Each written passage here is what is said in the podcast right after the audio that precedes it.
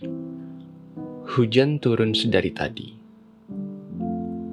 Aku terduduk di atas kursi yang dingin di emperan toko, dan aku tidak bisa ke mana-mana. Aku terjebak hujan. Sebentar, sejak kapan hujan bisa menjebak manusia? Sejak kapan hujan dilabeli sebagai sebuah jebakan? Aku kira ia hanya akan mengikuti titahnya, yaitu jatuh ke tanah dan menganugerahi bumi dengan basah. Aku rasa manusialah yang menjebak dirinya sendiri. Manusia itu memiliki keputusan, memutuskan untuk tidak berjalan di bawah hujan, memutuskan untuk tidak dibasahi hujan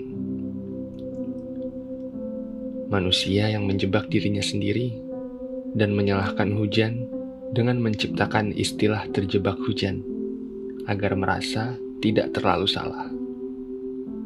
Sama halnya dengan rasa sedih dan hal negatif lainnya yang terjebak dalam diri manusia. Manusia begitu menyalahkan perasaan-perasaan negatif dalam dirinya. Tapi, pernahkah kita berpikir Jangan-jangan yang menjebak kita selama ini dalam duka, gelisah, amarah, dendam, dan keluh kesah adalah diri kita sendiri. Hidup sejak awal memang menawarkan semua itu, kan?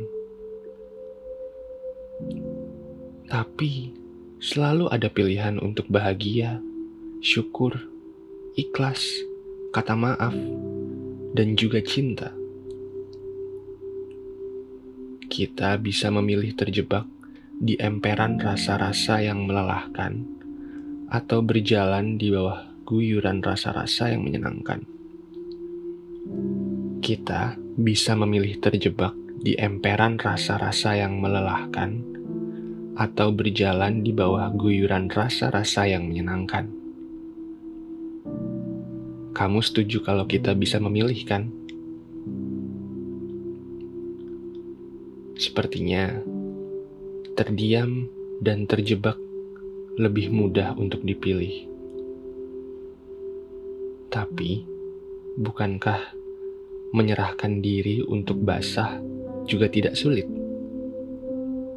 Kita mau atau tidak, itu saja. Aku sudah lama terdiam di pinggiran toko ini. Aku harus pulang. Aku akan menerobos hujan ini dan menyerahkan diriku sepenuhnya pada basah. Bukankah kita memang harus sepenuhnya menyerahkan diri? Sebelum pulang dan berlari di bawah hujan, aku coba melangitkan harapan-harapan ke angkasa. Berharap mereka terkabul dan turun di tanah tempatmu berpijak, atau di atap yang di bawahnya kamu tengah bernaung. Harapanku adalah apabila hatimu sedang luka dan kecewa, semoga luka itu segera pulih, dan kamu dianugerahi hati yang baru, hati yang pemaaf, hati yang lebih lapang dan lebih menerima. Apabila kamu tengah berjuang, semoga perjuanganmu ada di jalan kebaikan, sehingga lelah-lelahmu akan berbuah baik dan memiliki arti. Apabila masalah mengimpitmu, dan dunia seakan terasa sesak.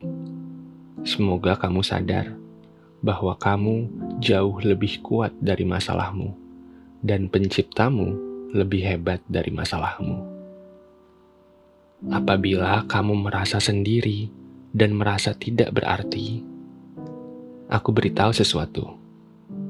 Kamu indah sebagaimana kamu dicipta. Kamu kuat karena telah bertahan sejauh ini. Kamu berarti dengan caramu sendiri.